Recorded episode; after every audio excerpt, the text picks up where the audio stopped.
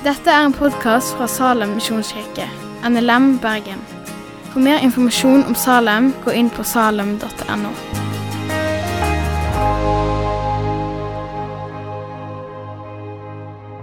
Utrolig gøy å være hjemme igjen. Jeg blir alltid spurt hvordan er det å være hjemme igjen. Og jeg, som et misjonærbarn som vokste vokst opp i Afrika, um, så har jeg alltid følt meg Jeg har alltid uh, følte meg noe sånn utilpass her og alltid lengtet uh, ut igjen nesten samme dagen som jeg kom hit. Men denne gangen så er det ganske annerledes. Var utrolig godt å komme tilbake igjen til Norge. Og Vi kommer tilbake med fantastisk maivær. Og så å feire 17. mai uh, Det var, har vært helt utrolig å komme hjem. Vi har det utrolig godt i dette landet. Vi er utrolig rikt velsignet hvis vi, hvis vi ser hva som foregår ellers rundt om uh, i verden. Dagens prekentekst er fra Nytestamentet, i apostelgjerningen 11. Her leser vi om synet som Peter får fra Gud, og det blir klart at Peter og apostlene at Guds frelse gjelder for alle folkeslag. Og de priser seg også at hedning kan vinne livet. Jeg skal ikke prate over den teksten i dag. Eh, jeg skal, Som en del av forberedelse til dette norgesoppholdet så har jeg studert boken om Jonah. For jeg har en del andre eh, presentasjonsoppdrag og prekenoppdrag også i løpet av denne turen. Men boken om Jonah lærer oss det samme som dagens prekentekst at Guds ord og hans lov og hans frelse gjelder alle folkeslag. Eh, la meg bare be før vi eh, leser teksten. Himmelske Far, vi priser ditt hellige navn. Takk for denne dagen. Takk at vi kan samles her fritt og lovprise deg og lære mer om deg. Jeg ber deg Gud om at du må tale gjennom Skriften, at du må tale gjennom meg. At vi kan lære mer om deg. Eh, vi legger denne talen og resten av denne gudstjenesten, denne dagen, i dine allmektige hender. Amen. La oss begynne kapittel 1, vers 1 i Jonas' bok. Herrens ord kom til Jonah, sønn av Amitai, og det lød så.: Stå opp og gå til storbyen Ninive og rop ut over den at jeg har sett ondskapen der.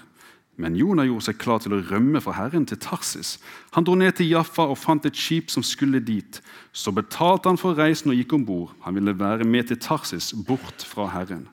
Men Herren sendte en sterk storm over havet. Det blåste så hardt at skipet holdt på å bli knust. Da ble sjømennene redde og ropte hver på sin gud. Og For å lette skipet kastet de lasten som var om bord, på sjøen.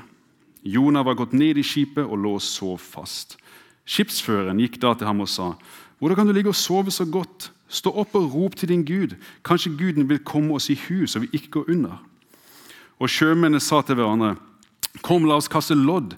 så vi får vite hva som er skyld i at denne ulykken har rammet oss. Så kastet de lodd, og loddet falt på Jonah. Da sa de til ham, si oss hvem som er skyld i at denne ulykken har rammet oss. Hva æren er du ute i, og hvor kommer du fra? Hvilket land er du fra, og hvilke folk hører du til? Han svarte, jeg er hebreer, og jeg dyrker Herren, himmelens Gud, Han som har skapt havet og fastlandet. Da ble sjømennene grepet av en stor redsel og sa til ham, hva er det du har gjort? For de visste at han hadde rømt fra Herren, det hadde han fortalt dem. Hva skal vi gjøre med deg, sa de, så havet kan legge seg, for havet ble mer og mer opprørt. Han svarte, ta og kast meg i havet, så skal det stilne, for jeg vet at det er min skyld den sterke stormen er kommet over dere. Sjømennene prøvde å ro tilbake til land, men de greide det ikke, for sjøen slo sterkere og sterkere mot dem. Da ropte de til Herren. Og Herre, la oss ikke gå unna fordi denne mannen skal dø, og la ikke uskyldig blod komme over oss, for du, Herre, har gjort som du vil. Så tok de Jonah og kastet ham på sjøen. Da holdt havet opp å rase, og folkene ble grevet av stor frykt og Herren, for Herren. De ofret slaktoffer til Herren og gav løfter. Herren sendte en stor fisk som slukte Jonah, og han var i fiskens buk i tre dager og tre netter. Og Så går vi videre til kapittel tre. Herrens ord kom til Jonah for annen gang, og det lød så.: Stå opp, gå til storbyen Ninive og rop utover det budskap jeg gir deg. Jonah sto opp og gikk til Ninive, som Herren hadde sagt. Ninive var en stor by for Gud, tre dagsreiser lang. Jonah gikk en dagsreise inn i byen og ropte om 40 dager skal Ninive legges i grus. Da trodde folk i Ninive på Gud. De lyste ut faste og kledde seg i botsdrakt, både store og små. Saken kom også kongen i Ninive for øre. Da reiste han seg fra tronstolen og tok av seg kongekappen. Han kledde seg i botsdrakt og satte seg i støvet. Etter påbud fra kongen og hans stormenn ble det utropt i Ninive. Verken menneske eller dyr, verken storfe eller småfe skal spise noe. De skal ikke gå på beite og ikke drikke vann. Men de skal kle seg i botsdrakt, både mennesker og dyr, og rope til Gud av all makt og vende om fra sin onde ferd og den urett de gjør. Kanskje Gud da vil endre sin plan og holde sin brennende vrede tilbake, så vi ikke går til grunne.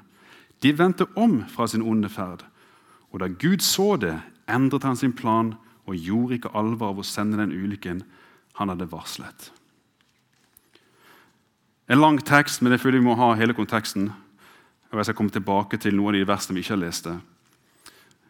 Boken om Jonah er den første misjonshistorien i Bibelen. Ja, Det er flere tilfeller i Det gamle testamentet der Gud sender eh, personer og individer for å fortelle om han og for å varsle om Guds straff. Men Jonah er den første internasjonale misjonær som vi møter i Bibelen. Og Dette er 800 år før eh, Jesu fødsel og vi fikk misjonsbefalingen. Og Dette mens vi fremdeles befinner oss i den gamle pakt. Historien om Jon er en av de første vi lærer som barn. og Mine barn de elsker historien om Jonah. De, de hører ofte på denne lytteboken som Wendy Anette Gjerstad utenfor Åsene har gitt ut. Hvor de synger 'Jonah, stå opp, for jeg trenger deg'. Uh, det er noe av det lille norske de kan, faktisk. uh, men det er, en, det er en, historie som, har, som, vi kjenner fra vi er små. De er fascinert av at en fisk kan svelge og senere gulpe opp på land en motvillig og sta profet. Det finnes mange lærde som bestrider hele historien om Jonah, at det faktisk fant sted. At du faktisk kan bli svelt av en fisk og overleve tre dager. Jeg finner det alltid litt absurd når vi setter spørsmålstegn med sånne ting. Eh, for hvis du først bekjenner deg til allmektig Gud, som skapte hele universet, eh, og så har du vanskeligheter med sånne små detaljer i forhold, så finner det um, absurd. Han er Gud. Den minst viktige detaljen i historien om Jonah er faktisk at han ble svelget hel av en fisk. For min del så kunne det vært en gigantisk krabbe. Det hadde gjort en forskjell. Gud er allmektig, og hans ord er sant, og alt er mulig for han. Men for de som trenger litt mer empirisk bevis, så henviser Jesus til Jonah i Matteus 12 og sammenligner sin egen døde begravelse med Jonah i, uh, i, buken. Og For de som trenger enda mer bevis, i 1891 så var det en fisker utenfor Falklandsøyene som ble svelget hel av en hval, en spermhval, og overlevde eh, tre dager. faktisk. Han ble fant, funnet igjen, om dog noe fortumlet. Jeg har ofte tenkt på historien om Jonah og Ninive i disse årene som misjonær. Spesielt de siste fire årene. Ikke pga. fisken, men pga. at jeg identifiserer meg med Jonah. Og alt det andre som denne historien har å lære oss eh, om hvem Gud er. Det har nemlig vært veldig mange hendelser i disse årene hvor jeg har til fulle fått sett menneskets onde natur. Og Som reaksjon på denne ondskapen jeg tror vi er veldig mange som føler det sånn, så reagerer vi med at vi føler en først og fremst en forakt for, hendelsen, for, for, for uh, det de gjør. Men vi også, kan også føle en forakt for de som gjør det. Um, og jeg har mange ganger ønsket meg langt vekk fra Afrika og gå i en helt annen retning og gjøre noe helt annet enn å formidle Guds kjærlighet til disse gudløse menneskene som gjør så mye vondt. Selv om det er akkurat det som Gud har kalt meg til. Å formidle Hans ord, lov og dom og budskap om nåde og frelse. Historien om Jonah lærer oss flere viktige ting. og Jeg har bare samlet de i tre punkter. En, Gud er suveren, og han har kontroll. To, Guds ord og frelse gjelder alle folkeslag. Og tre, Gud bruker oss på tross av våre svakheter, ikke pga. våre styrker. Jonas' bok begynner med at han flykter fra Gud. går rett på sak. Og I vers 2 i det første kapittelet så rekker Gud knapt å nevne ordet Ninive før Jonah i vers 3 allerede på sprang. Og Vi kan spekulere i hvorfor Jonah så spontant ikke ville adlyde Gud. Var det størrelsen på oppdraget? Var det frykt på asyrernes respons på budskapet fra Gud? Eller var det fordi at Jonah tvilte på at eh, Gud faktisk kunne forandre hjertene til menneskene i Ninive? Nei, teksten sier ikke noe om det. Tvert imot så leser vi kapittel 4, vers 2. Å Herre, var det ikke det jeg tenkte da jeg ennå var i mitt hjemland? Derfor prøvde jeg først å rømme til Tarsis, for jeg visste at du er en nådig og barmhjertig Gud, langmodig og rik på miskunn, og at du kan endre din plan, så du ikke lar ulykken komme. Jonah flyktet ikke fra Guds oppdrag og kall fordi han manglet tro.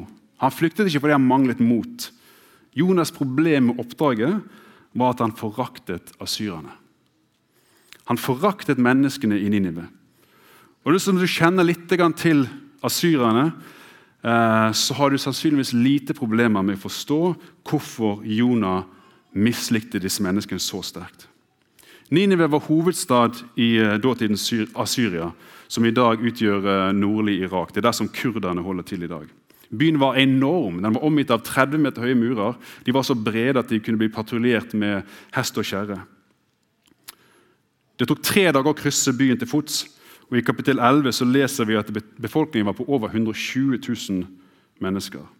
Asyrerne var Israels fiender, og de var beryktet for noe så enorme grusomheter at til og med ISIS sine bestialiteter blekna i forhold.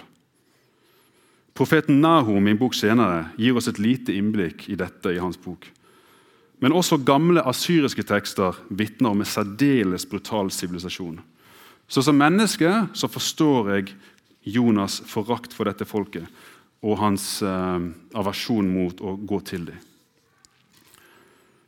Du kan tenke deg, Vil du ta på deg oppdraget til å dra til Raqqa og forkynne omvendelse til den islamske stat når du vet hva som har foregått der nede? Og Det er konteksten vi må forstå Jonas' handlinger og hans reaksjon på Guds oppdrag. Jonas' tro på Gud var så sterk at han nøyde seg ikke bare med å si nei. Han nøyde seg bare med å bli værende i sitt hjemland Israel. Nei, Han ville bort fra Gud. Han ville så langt bort som tenkelig mulig. Mest sannsynlig var Tarsis helt vest i Middelhavet, langs Atlanterhavskysten. Og Det var sannsynligvis det mest tenkelige vestover kunne reise fra Israel på den tiden. Jonah ville med andre ord så langt bort fra Gud og oppdraget han kunne komme. Og Når vi ser hvordan Jonah flykter fra Gud og oppdraget han er gitt, og planen med livet til Jonah, så ser vi hvordan hele reisen er en reise nedover. Dette er en liten digresjon, men det er interessant å se hvordan det bare er et gedigent fall. Han reiser ned til havnen i Jaffa, han, ned, han går ned i båten, og han synker senere ned i havdypet. Og Når han ikke kan komme lenger ned, og han har ingen plass å gå eller vende seg, det er da han kaller på Gud og roper ut. Jeg kalte på Herren i min nød, og han svarte meg. Jeg ropte om hjelp fra dødsrikets dyp, og du hørte meg. Og Han avslutter sin bønn i kapittel 2 med Men jeg vil ofre til deg med takkesang. Det jeg har lovet, vil jeg holde. Frelsen kommer fra Herren. Og Det er i denne hendelsen i, i Jonas' bok at vi så tydelig ser Guds suverenitet og kontroll. Etter at båten er lagt ut på havet, så sender Gud i sin suverenitet en storm. Og Vi skjønner på de hardbarkede sjømennenes frykt og reaksjon på stormen at dette var ikke noe vanlig storm. Sjømennene som hver ropte til hver sin gud, vi leser det i vers 5, de var ikke i tvil om at det dreide seg om en guddommelig inngripen. I vers 7 så kaster sjømennene lodd for å finne ut hvem som er skyld i dette. Og igjen så ser vi Gud sørger for i sin suverenitet at loddet faller på Jonah. Uvillig til å kaste Jonah på sjøen, så prøver de å ro i land, men til ingen nytte. Omsider så kaster de ham på sjøen, og igjen så ser vi Gud gjennom sin suverenitet har forberedt en fisk som da svelger Jonah og holder ham fanget i tre dager. Det har vært en utrolig belastning, og jeg tror i dag så hadde alle disse her måttet blitt behandlet for enorme traumer. Og Det var overhodet ikke en god opplevelse, men det var like fullt sendt av Gud, forårsaket av Han, for å få sin vilje til å skje. Senere ser vi også hvordan Gud lar en, voks, lar en, lar en busk vokse opp over Jonah for å fri ham fra mismute, som det står i siste kapittelet. Jonah setter veldig stor pris på busken, som beskytter ham fra solsteken. Vi leser ikke det verset, men jeg kan minne dere på at eneste grunnen til at han har satt under den busken i solsteken, var for å vente på at Gud skulle ødelegge Ninive. Så det var ikke med gode hensikter han satt der. Men han hadde ikke fått med seg at hjertene til innbyggerne i Ninive var endret. Så Gud måtte igjen lære Jon en lekse, og han sendte en liten mark som stakk busken, og den visnet så Jonah mistet all skygge. og ble rammet av et heteslag. Gud brukte igjen sin suverenitet, inngripen og makt over sitt skaperverk til å realisere sin vilje og plan. Mange sliter med å forsone det faktum at Gud er suveren og allmektig med at det fremdeles finnes ondskap og lidelse i denne verden. Men Gud er likevel suveren. Han har full kontroll, og ingenting skjer uten at Gud tillater det.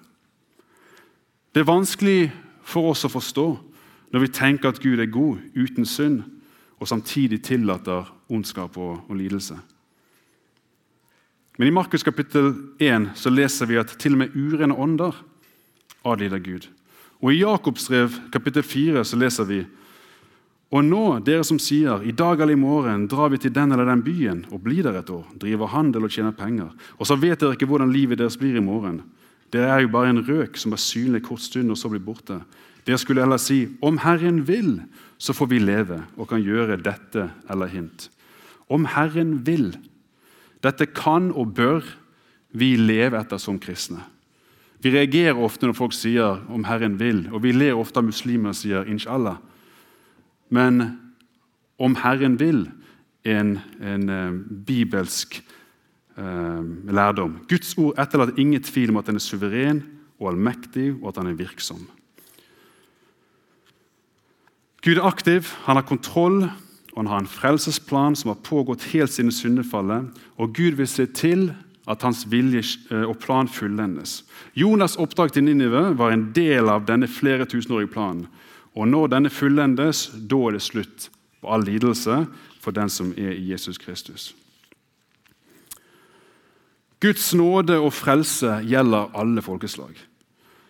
Historien om Jonah er unik i gammeltestamentlig sammenheng. Det var ikke noe nytt at uh, Gud sendte folk på oppdrag. Uh, Abraham ble bedt om å uh, bryte opp fra Ord og bosette seg i Kanaan. Josef bestemte sin vilje til Egypt. Og Moses ble sendt som sendebud til farao i den hensikt å lede Israelsfolket ut fra Egypt. Og Helt fra Abraham så ser vi, Guds, ser vi Guds plan for ett folk i én nasjon. Gjennom den nasjonen skal det komme en frelser, Immanuel, Jesus Kristus. Og Mens vi ser at Gud har omsorg for andre folkegrupper og nasjoner i Gammeltestamentet, så er det bare i Jonas' bok så vidt jeg kan se, at vi ser en gudsprofet bli sendt til en fremmed nasjon for å forkynne evangeliet. For Gud hadde omsorg for folket der. Jonah ble sannsynligvis av mange av samtidens jødiske ledere sett ned på etter eh, denne hendelsen. Og vi vet at På Jesus' tid så ble han diskreditert av flere.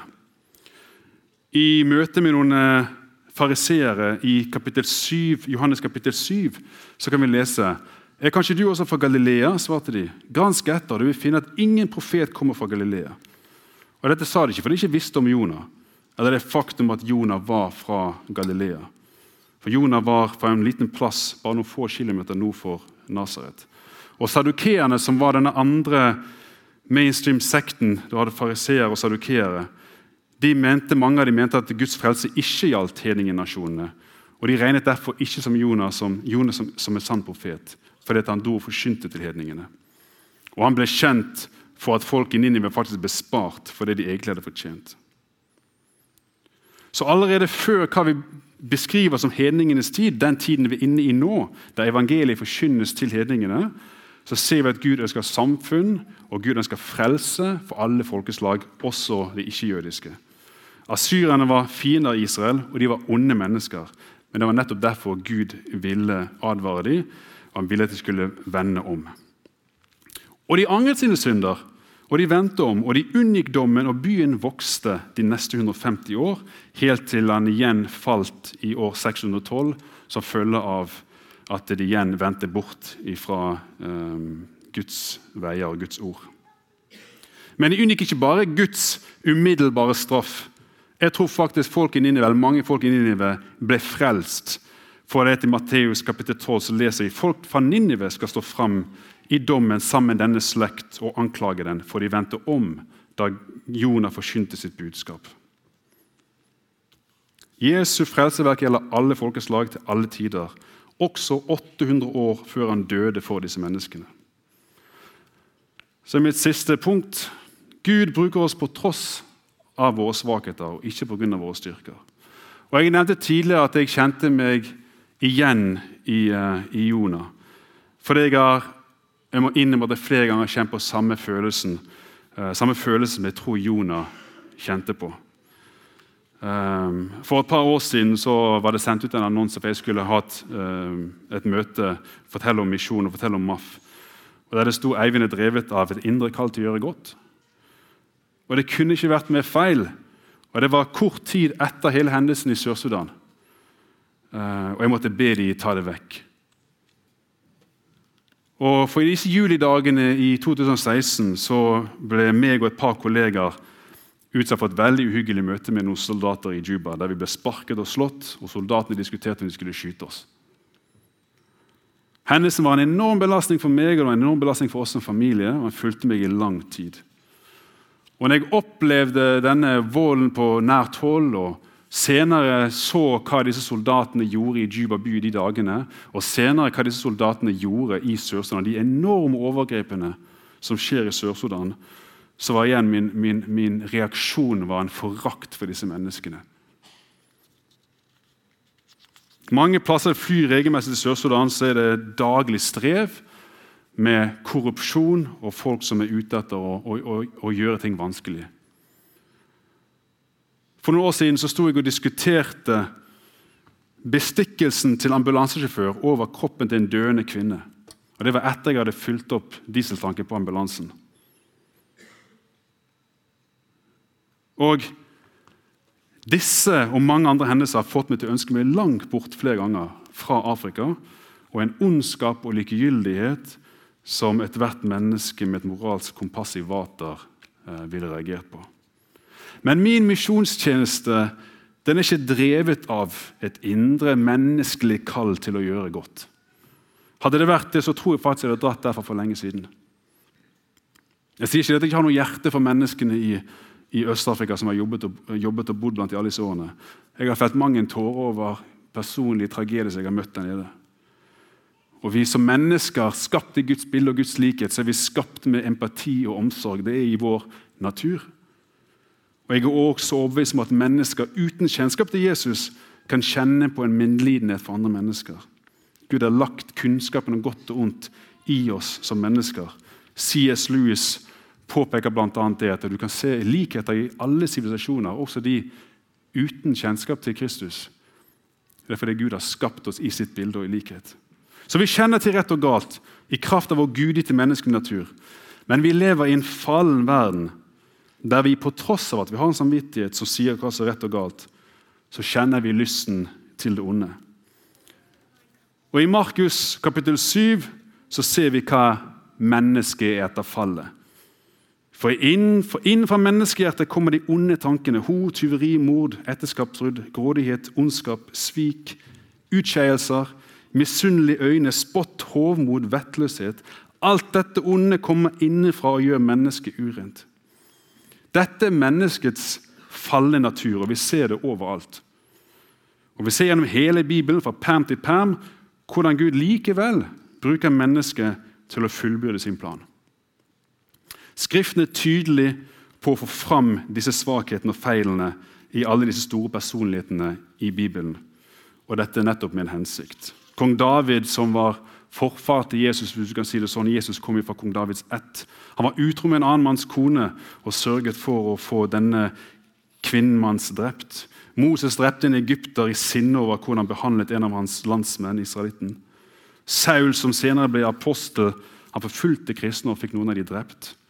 Peter, som var en selverklært mest hva, eh, heter det, um, trofast disippel, sviktet Jesus da det gjaldt som mest.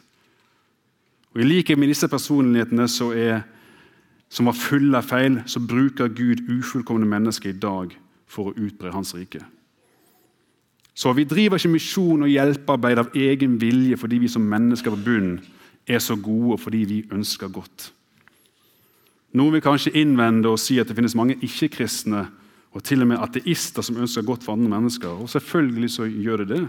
Jeg har selv møtt mange sekulære hjelpearbeidere, flotte mennesker i Øst-Afrika som genuint bryr seg om sine medmennesker. Men jeg bare tilføyer at internasjonalt hjelpearbeid i høyeste grad det er et vestlig fenomen med dype røtter i kristen nestekjærlighet og veldedighet. Vi er gjennomsyret av kristne verdier etter over 1000 år med kristendom. Kristendommen er et fundament i vårt demokrati og i menneskerettighetene. Men våre menneskehjerters iboende onde natur, som Jesus lister opp i Markus 7, er hva som vil dominere våre liv, valg og prioriteringer dersom vi ikke fyller hjertene med noe annet. Og det er bare én som kan forandre et menneskes hjerte. I Esekiel kapittel 36, vers 26 så står det jeg vil gi dere et nytt hjerte og la dere få en ny ånd inni dere. Jeg vil ta sternhjertet ut av kroppen deres og gi dere et kjøtthjerte i stedet. Jeg lar dere få min ånd inni dere og gjør det slik at dere følger mine forskrifter og tar vare på mine lover, så dere lever etter dem. Og Når vi tar imot Jesus og lar han forme våre hjerter, det er da vi opplever at det er Guds kjærlighet som tvinger oss, slik vi leser i 2. Korinterne 5.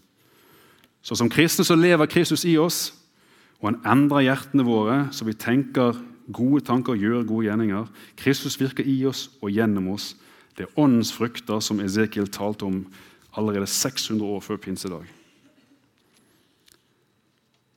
Så selv om jeg til tider har følt på liten omtanke og nestekjærlighet for menneskene i Sør-Sudan, så er jeg drevet altså av noe uendelig mye større enn min egen vilje og kjærlighet til andre mennesker.